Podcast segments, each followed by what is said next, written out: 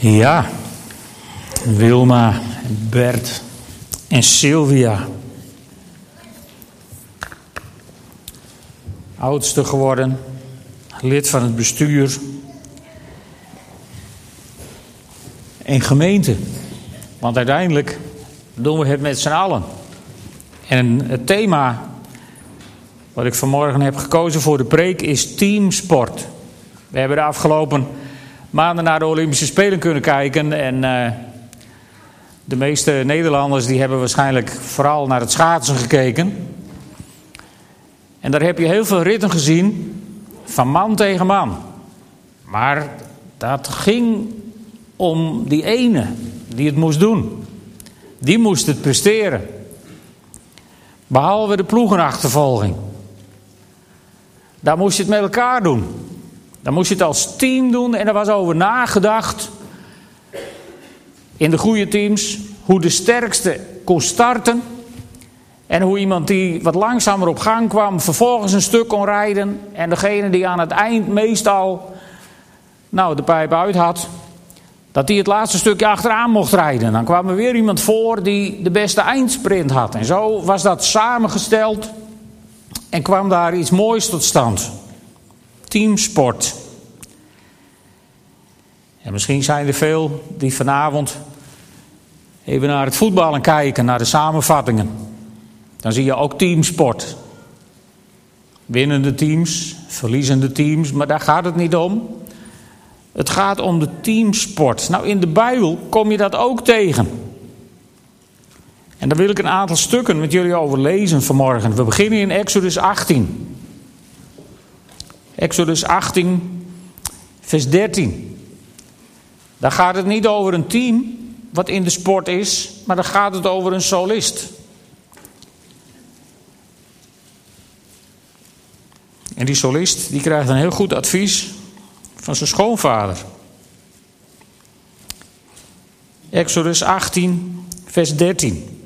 De volgende dag sprak Mozes recht over het volk. Van s morgens vroeg tot s avonds laat stonden de mensen om hem heen. Toen zijn schoonvader zag hoezeer hij door hen in beslag werd genomen, vroeg hij: Waarom moet jij steeds voor iedereen klaarstaan?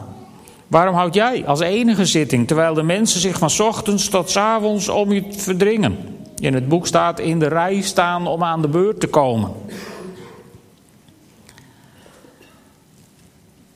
Mozes antwoordde zijn schoonvader, omdat het volk bij mij komt om God te raadplegen. Als ze een geschil hebben, wordt dat aan mij voorgelegd en dan beslis ik wie er in zijn recht staat. En vertel ik hun hoe Gods wetten en voorschriften luiden. Het is niet verstandiger wat je doet, zei zijn schoonvader. Je zult er nog onder bezwijken en de mensen die bij je komen ook. Dit is een veel te zware taak voor je. Je kunt die niet alleen aan. Luister, ik zal je een goede raad geven en mogen God je dan terzijde staan. Jij moet het volk vertegenwoordigen en hun geschillen bij God vertegenwoordigen en hun geschillen aan Hem voorleggen. Prent hun zijn wetten en voorschriften in en leer hun welke weg ze moeten bewandelen en welke plichten ze moeten vervullen. Maar zoek daarnaast onder het volk een aantal doortastende, vrome mannen die betrouwbaar zijn en zich niet laten omkopen. En geef hun de leiding over groepen van duizend, van honderd, van vijftig en van tien. Zij moeten altijd over het volkrecht spreken. Belangrijke geschillen leggen ze aan jou voor, in minder belangrijke geschillen doen ze zelf uitspraak. Zij zullen je last verlichten door die samen met jou te dragen. Als je het op deze manier aanpakt en als God het wil, kun je het volhouden en kunnen al die mensen tevreden naar hun tenten gaan. Mozes luisterde naar zijn schoonvader en deed wat deze hem had aangeraden. Hij koos uit heel Israël doortastende mannen en stelde hen over het volk aan, gaf hun de leiding over groepen van duizend, van honderd, van vijftig, van tien. Ze stonden altijd klaar om over het volk recht te spreken. Moeilijke zaken legden ze aan Mozes voor, in eenvoudige zaken deden ze zelf uitspraak. Daarna deed Mozes zijn schoonvader uitgeleiden en deze keerde naar zijn land terug. Dus we zien hier Mozes, en iedereen die wat heeft, iedereen die wil weten van hoe moet dit en hoe moet dat, die komt bij Mozes. Nou, dat was genoeg om gek te worden, want Mozes had, had nogal wat mensen daar.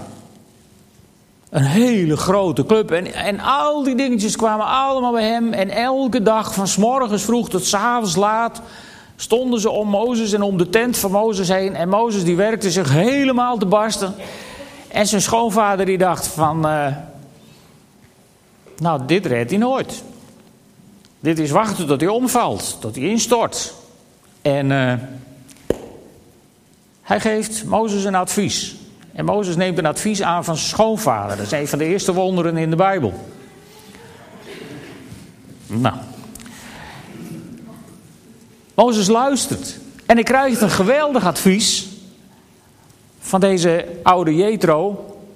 Om mensen aan te stellen over, over duizend, over honderd, over vijftig, over tien. In, in huidige termen, nou, als je naar onze gemeente kijkt, zou je, zou je het kunnen vertalen van. Hij stelde, hij stelde kringleiders aan voor de huiskringen. Hij stelde teamleiders aan voor de teams die bezig waren.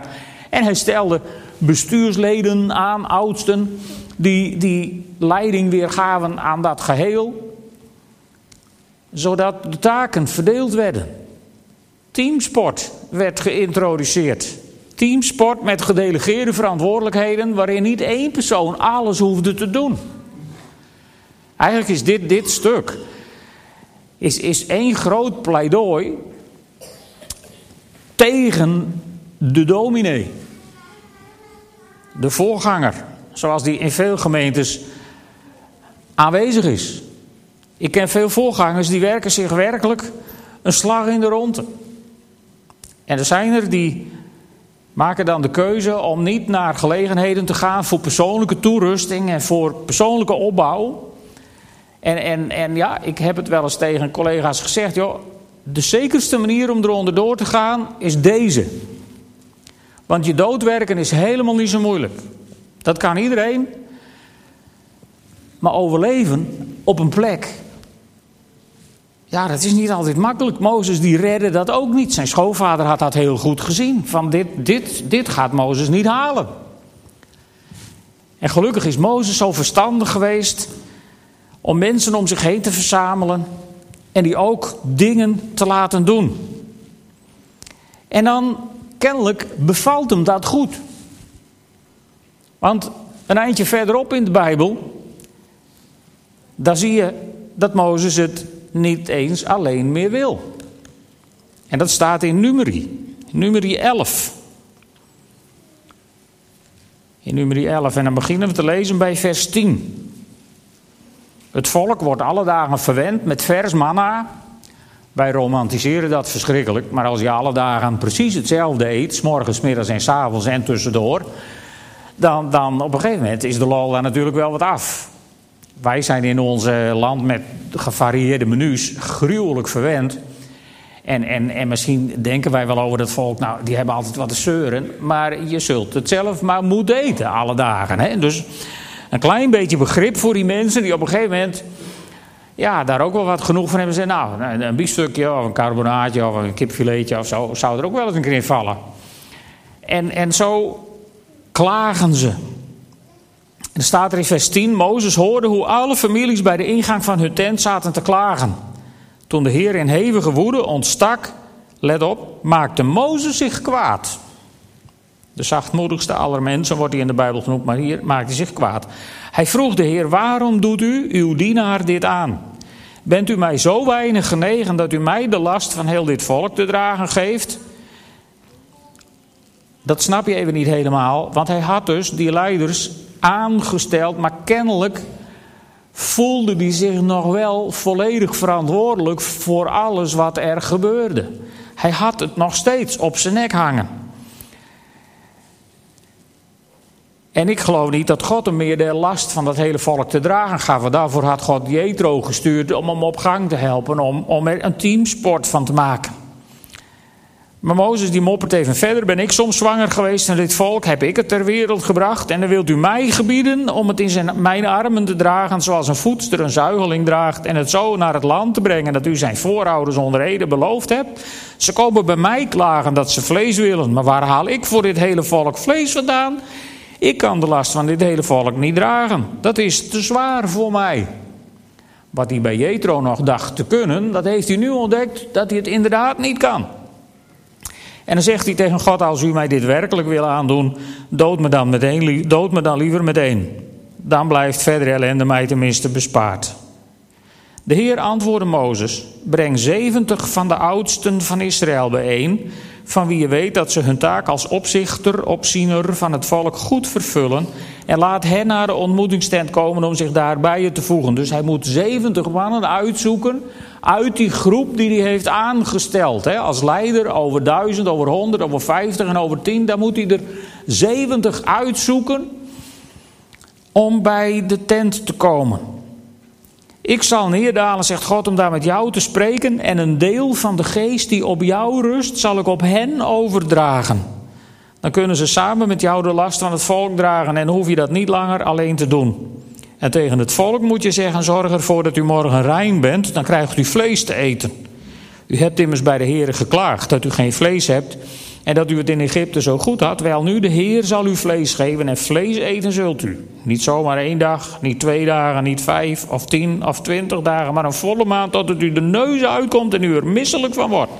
Want u hebt de Heer die in uw midden is geminacht door erover te klagen dat u uit Egypte bent weggegaan. Mozes zei, ik heb hier een volk van 600.000 mensen, staat hier, maar in de grondtekst staat 600 man voetvolk. Dus 600 mannen die zelfstandig lopend de reis door de woestijn aankonden. Nou, tel daar de vrouwen en de kinderen bij, praat je gauw over anderhalf, 2 miljoen mensen. En u zegt dat u hun vlees zult geven en dat ze daar een volle maand van zullen eten. Hoe zouden ze er ooit genoeg schapen, geiten en runderen voor hen kunnen worden geslacht? Zelfs als alle vissen van de zee gevangen werden, zouden daar niet genoeg aan hebben. Maar de Heer antwoordde: schiet de macht van de Heer soms tekort? U zult spoedig zien of ik mijn belofte nakom. Mozes ging naar buiten en bracht de woorden van de Heer aan het volk over. Daarna bracht hij zeventig oudsten van het volk bijeen, stelde hen rond de tent op. Toen daalde de Heer af in de wolk en sprak tot Mozes en droeg een deel van de geest die op hem rustte op de zeventig oudsten over. Zodra de geest op hen rustte, begonnen ze te profeteren. Dat is daarna niet opnieuw gebeurd. Twee mannen, van wie de een Eldad heette en de ander Medad, waren in het kamp gebleven. Ze stonden wel op de lijst van zeventig, maar waren niet naar de tent gegaan. Zodra de geest op hen rustte, begonnen ook zij te profeteren in het kamp. Een jonge man rende naar Mozes toe en zei: Eldad en Medad zijn in het kamp aan het profeteren. Zeg dat ze daarmee ophouden. Heer, zei Jozua, de zoon van Nun, die van jongs af aan Mozes rechterhand was geweest. Maar Mozes zei: Denk je soms dat jij voor mijn belangen moet opkomen? Legde de Heer zijn geest maar op heel het volk. Profeteerde iedereen maar. Daarop keerden Mozes en de oudsten van Israël terug naar het kamp. Dus eerst zie je hoe Mozes zich helemaal te pletter werkt en het gewoon niet alleen kan. Hier zie je dat Mozes het ook niet meer alleen wil. En tegen God zegt: Heer, ik kan het niet meer. Hij, hij heeft zelf ontdekt dat het niet gaat. En dan krijgt hij van God de opdracht om, om die 70 mannen ja, bij de tent te brengen, bij de Heer te brengen. Om met die 70 mannen naar de Heer te gaan. En daar wordt een deel van de geest die op Mozes rustte op die mannen gelegd. De Heilige Geest was niet uitgestort op alle vlees, zoals in het Nieuwe Testament. Dat moest allemaal nog komen. Maar deze 70 mannen werden vervuld met de Heilige Geest, zodat ze de taken nog beter zouden kunnen vervullen dan ze al deden. Hiermee voldeden ze voor een groot deel eigenlijk al aan de nieuwtestamentische eis die, die aan oudsten zou moeten stellen. Geestvervulde mensen. En daartussendoor speelt dat verhaal van dat, van dat vlees waar ze behoefte aan hebben. En daarna komen de kwakkels, wat dat ook maar voor dingen geweest zijn, maar het vloog in ieder geval. En, en, en, en het viel uit de lucht. Maar je ziet hoe Mozes, en dat vind ik heel verwonderlijk, eigenlijk moet je voorstellen, Mozes was, was inmiddels over de 80 en hij was nog net zo sterk als, als toen hij jong was. En hij was door God geroepen om het volk uit Egypte te halen. En hij had in Egypte had hij, had hij, had hij de, de, de, de, de Nijl in bloed veranderd. En hij had kikkers overal vandaan getoverd. En hij had overal uh, muggen en vliegen en builen en hagels. Hij had alle wonderen van de wereld had hij zien gebeuren. Hè, door zijn handen bijna. God had hem op een wonderlijke manier gebruikt. En je zou zeggen dat zo iemand nooit weer twijfelt. Ik weet het, als jullie die verhalen lezen over die uittocht uit Egypte, dan denk je, wauw, man. En, en, hier zegt God tegen Mozes, joh, ik ga jullie allemaal een maand vlees geven. En Mozes gelooft het gewoon helemaal niet. Wonderlijk, hè? Wonderlijk. Het is voor mij een bewijs dat je alle wonderen van de wereld kunt hebben gezien. Dat wil nog niet zeggen dat je geloof genoeg hebt voor het volgende wonder wat God van plan is te doen. En als dat Mozes overkwam, overkomt het ons ook. Mij als voorganger en ook jullie als nieuwe bestuursleden. Je zult af en toe misschien ook wel eens bij de pakken neerzitten. En net zoals uh, Mozes zeggen, ja heer, uh, moet het nou zo? Waarom doet u mij dit aan? Soms heb je van die vragen. Maar het wonderlijke in dit verhaal is, of nee, het, het, het, het duidelijke in dit verhaal is, Mozes krijgt geen antwoord op deze vragen. God gaat helemaal niet met hem in discussie over het hoe en het waarom. Maar God wijst hem alleen een weg eruit. Naar een oplossing. Mozes, zoek mensen en kom samen bij de tent der samenkomst. De tabernakel moest nog gebouwd worden. Nee, die was er nog niet, maar er was een tentje waar Mozes af en toe heen ging. En dan daalde de wolk op die tent neer. En dan stond het hele volk Israël. Die stonden al die 600.000 man voetvolk met vrouwen en kinderen. Die stonden in de houding voor hun tent. Stonden ze vol eerbied te kijken hoe de wolk neerdaalde op die tent. En dan wisten ze van daar sprak God met Mozes. En er was één, er was één, die mocht daar altijd bij zijn, live. Jozua, de zoon van Nun. Mozes beoogde opvolger, maar dat wisten ze toen allemaal nog niet. En er staat over Jozua, die bleef daar. Die bleef daar ook als Mozes weer weg was en, en, en, en God was weg, dan, dan bleef Jozua, die bleef daar. En toch, want er gebeurt iets heel aparts.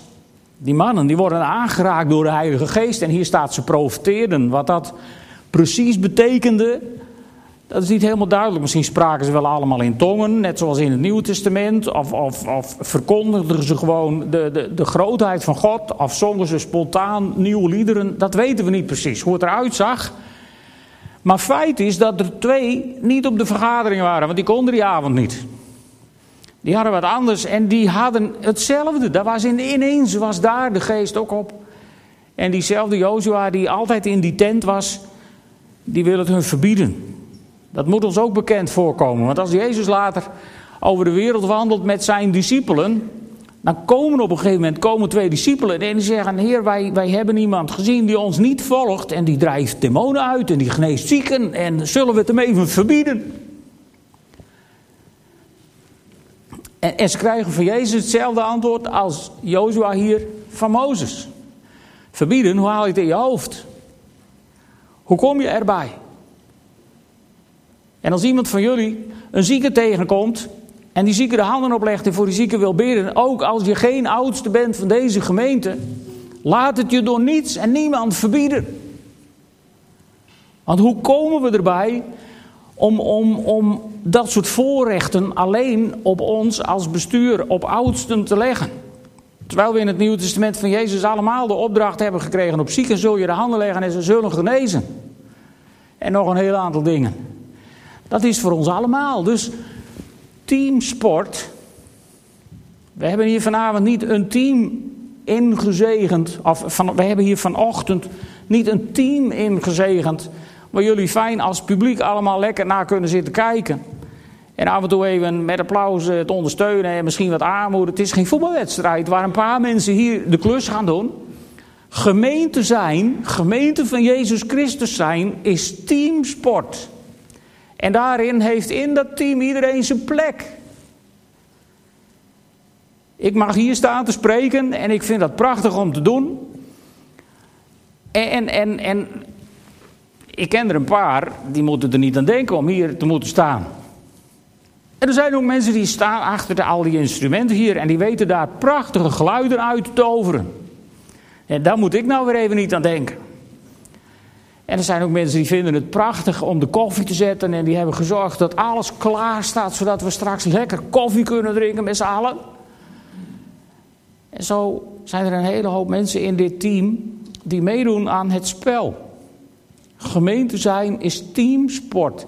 En ook als je hier vandaag te gast bent, mag je meedoen aan het spel. Je hoeft niet geselecteerd te zijn, je hoeft niet net als bij de KNSB een licentie te hebben. Nee, je bent hier, dus je doet vandaag mee. Gemeente zijn is teamsport. Dat kun je niet uitbesteden, jouw rol, aan iemand anders. Allemaal hebben we daar een plek. De ene leider over tien, de andere over vijftig, de andere over honderd, en de andere misschien over duizend. En als je een taak hebt waar je leider bent over tien, ja, dan kun je, dan kun je heel, heel jaloers omhoog kijken en denken van, wat moet ik nou met die tien? Waarom heb ik geen duizend? En weet je, op die manier krijg je van God nooit geen duizend. Ik heb dat ook persoonlijk moeten leren in mijn jonge jaren. Maar als je vol vuur gaat voor dat wat God je nu heeft gegeven, als je als je, je teamrol nu van ganser harte oppakt en ervoor gaat met alles wat in je is, dan gaat God je vanzelf laten groeien. En dan gaat God je vanzelf brengen op andere plekken misschien wel. En misschien ook wel niet. Want misschien geniet je wel gewoon van de plek die je nu hebt. Want weet je, God overvraagt mensen ook niet. God gaat iemand die, die, die genoeg talenten heeft om tien mensen te leiden, echt niet zetten op een plek waar hij duizend mensen moet leiden. Want God heeft er niks aan als mensen kapot gaan. God zat ook niet comfortabel op zijn troon naar Mozes te kijken en tegen zijn engelen te zeggen: Nou, werden hoe lang dit volhoudt? Nee, God stuurde Jethro, de priester, om Mozes een advies te geven, zodat hij niet kapot zou gaan aan de dingen die hij deed. En, en, en Wilma en Sylvia en Bert, dat gaat God ook in jullie leven doen. Mensen je advies laten geven, je bekrachtigen met de Heilige Geest, net zoals die 70 mannen. Want God zit er niet op te wachten dat iemand er onderdoor gaat. En Edith en Vera, ook als mensen een tijd mee hebben gedraaid op een plek en iets eerder moeten stoppen dan misschien wel in statuten staat. Ook dan zit God niet bovenop zijn troon te kijken van ja, nou kijk, afgekeurd. Niet gehaald. God niet hoor. Want heel vaak is zelfs de hand van God erin dat hij andere dingen op je weg brengt en dat het in je leven misschien wel anders loopt. Weet je, God is niet van die afrekencultuur waar wij hier in Europa zo van doordrenkt zijn, zo langzamerhand. Goed, dus Mozes kon het niet alleen. Hij wilde het ook niet meer alleen. En de apostelen later, die kunnen het ook niet alleen. En die wilden het ook niet alleen. We gaan even naar Handelingen 6. Als we het over teamsport hebben, is dit een heel mooi stukje waar eigenlijk die beide stukken te samenkomen. We zijn in Handelingen 6 zijn we na Pinkster aangeland. Hè? Dus de Heilige Geest is uitgestort op alle vlees. Dus je hoeft niet meer eerst met 70 man om een tentje te staan en om te wachten dat God een deel van jouw geest op anderen. Nee, de Geest, de Heilige Geest is in ons allemaal. En dan hebben we een nieuwe kerk gekregen. Dat is nogal een heftige kerk. Een hele heftige kerk. Weet je, ze begonnen met z'n 120. Maar in hun eerste samenkomst hadden ze een doopdienst. En toen kwamen er 3000 bij. En denk nou niet dat dat leuk was. Dat was helemaal niet leuk. Want die eerste 120, die allemaal dachten, nou wij zijn 120 leden en de apostelen die redden er wel mee. Die werden acuut alle 120 benoemd tot 3000 gedeeld door 120 mensen. Dus die waren ogenblikkelijk op dag 1 na hun doop, volledig onverantwoord zou de doorsnee gemeenteleider vandaag zeggen, benoemd in een positie. En een paar dagen later waren ze al gegroeid naar 4000 mensen, staat in Handelingen 2 vers 47. Dus het liep gierend uit de hand. En dat moesten ze met z'n twaalfen. En dat kon niet.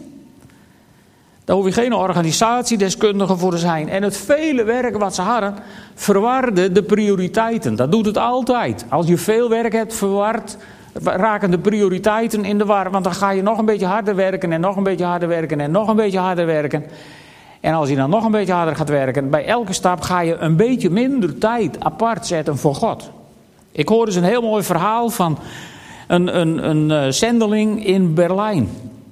En die, uh, die leidde een grote gemeente en die hadden een bejaardenhuis en een school. En zoals het in Duitsland gaat, die kerken die hebben van alles. En, en toen kwam die voorganger, die kwam bij een groot geestelijk leider.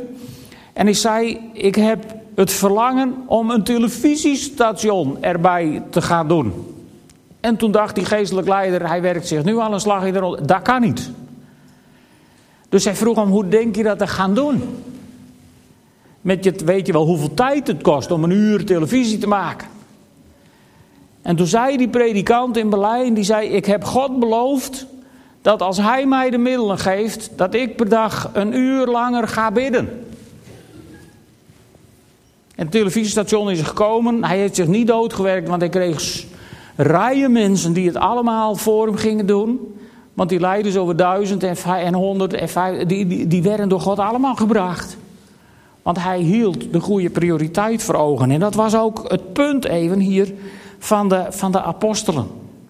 We gaan even lezen, Handelingen 6, de eerste zeven versen.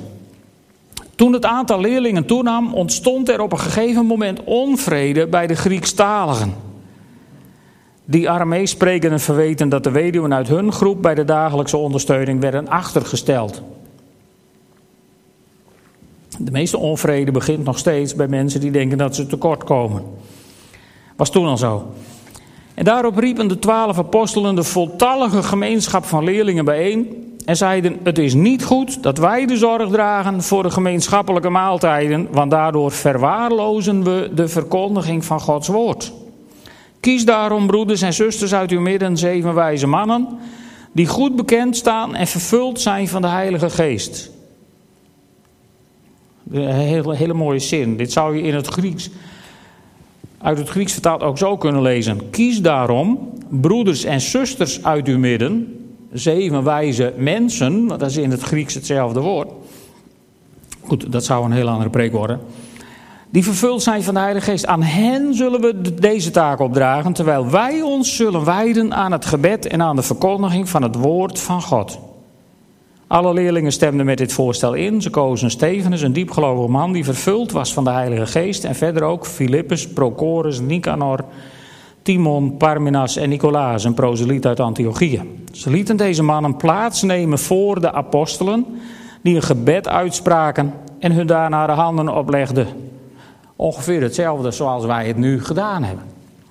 Het woord van God vond steeds meer gehoor, zodat het aantal leerlingen in Jeruzalem, in Jeruzalem sterk groeide.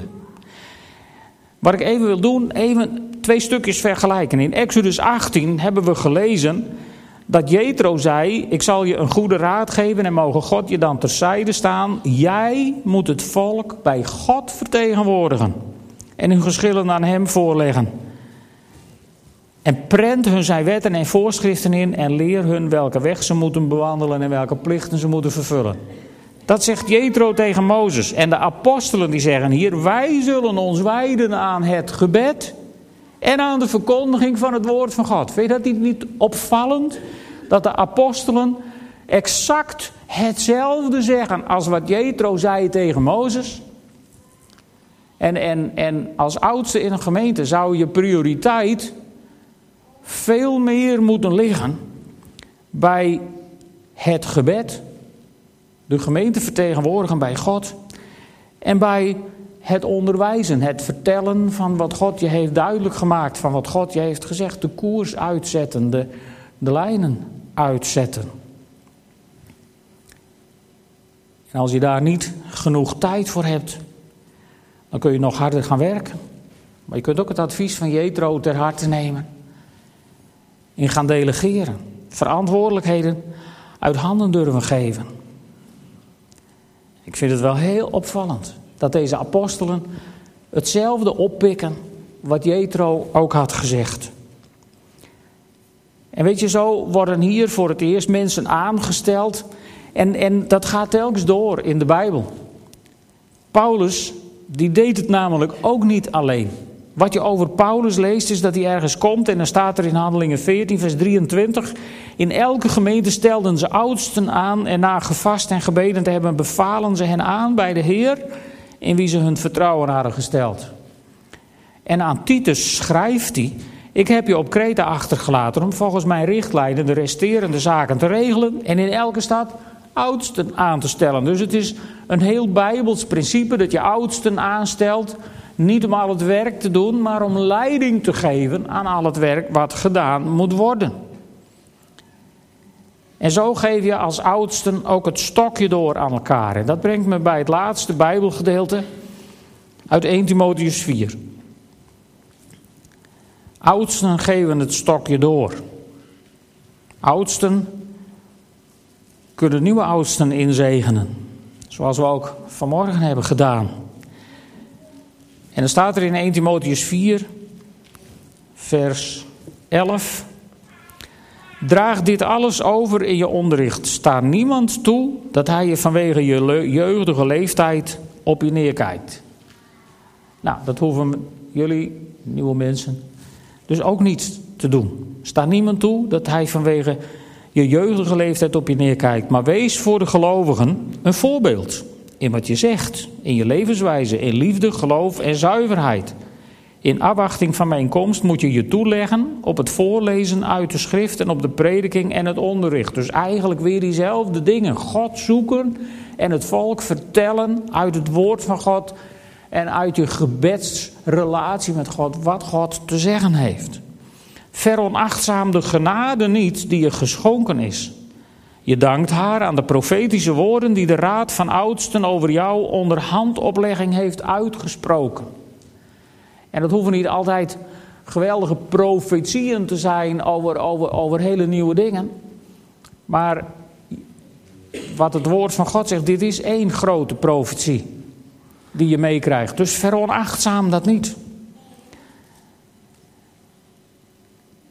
En dan staat er in vers 15: richt je hierop Maak het je eigen, zodat voor iedereen duidelijk wordt dat je vorderingen maakt. Dat vond ik, ik heb zo'n troost gevonden heel vaak in dit zinnetje.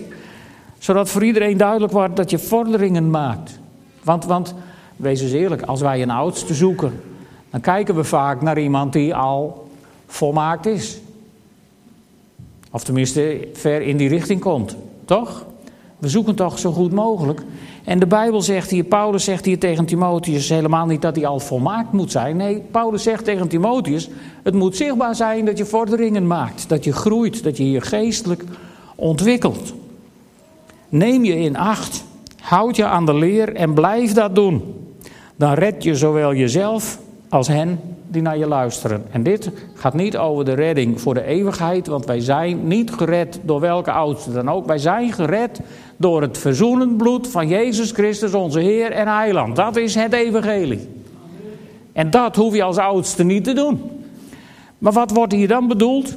Nou, volgens mij betekent dit dat als je jezelf in acht neemt en dicht bij het woord blijft en mensen onderwijst over het woord, dan hou je, dan hou je de eenheid in de gemeente. Dan hou je de boel bij elkaar, zou je, zou je kunnen vertalen voor mijn gevoel.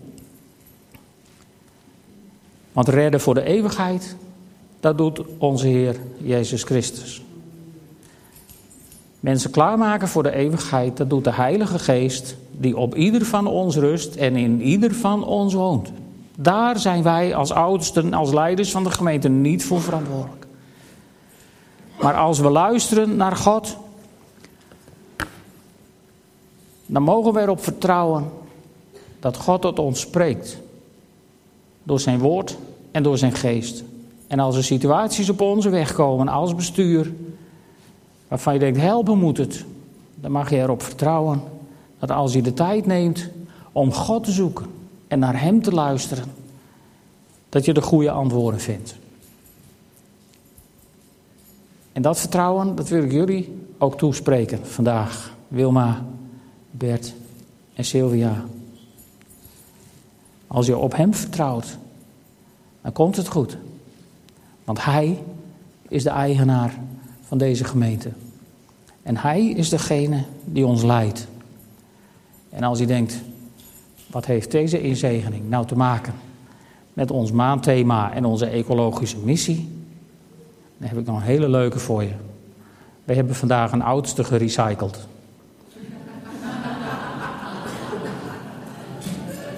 Want voor het eerst in onze geschiedenis hebben we een oudste ingezegend die al eerder in het bestuur heeft gezeten. Wilma. Daar zijn we heel blij mee dat we die ervaring binnenboord houden. Dus het was ook nog een ecologische inzegening. Mag ik jullie vragen op te staan en samen te bidden? Vader in de hemel, ik dank u wel voor deze ochtend. Ik dank u wel, Heer, dat u ons drie nieuwe mensen hebt gegeven om het bestuur te versterken. Maar ik wil u ook danken, Heer, dat u uit uw woord ons hebt laten zien dat gemeente zijn een teamsport is voor de hele gemeente. En Heer, ik dank u toch zo, Heer, dat u niet vandaag uw Heilige Geest hebt gelegd op, op maar drie mensen. Maar dat wij mogen leven na de uitstorting van uw Heilige Geest op alle vlees. En dat ieder van ons, dat we allemaal zijn vervuld, zijn aangeraakt, zijn vernieuwd door die Heilige Geest die u ons gegeven hebt. En Heer, geef ons dat we zo samen als Open Thuis team in Drachten de wegen mogen vinden die u voor ons heeft. Spreek door uw geest, leid ons door uw woord. En geef ons ook als bestuur de wijsheid om daar op een goede manier leiding aan te geven. Heren, ik dank u voor uw genade en voor uw grootheid in de naam van Jezus. Amen.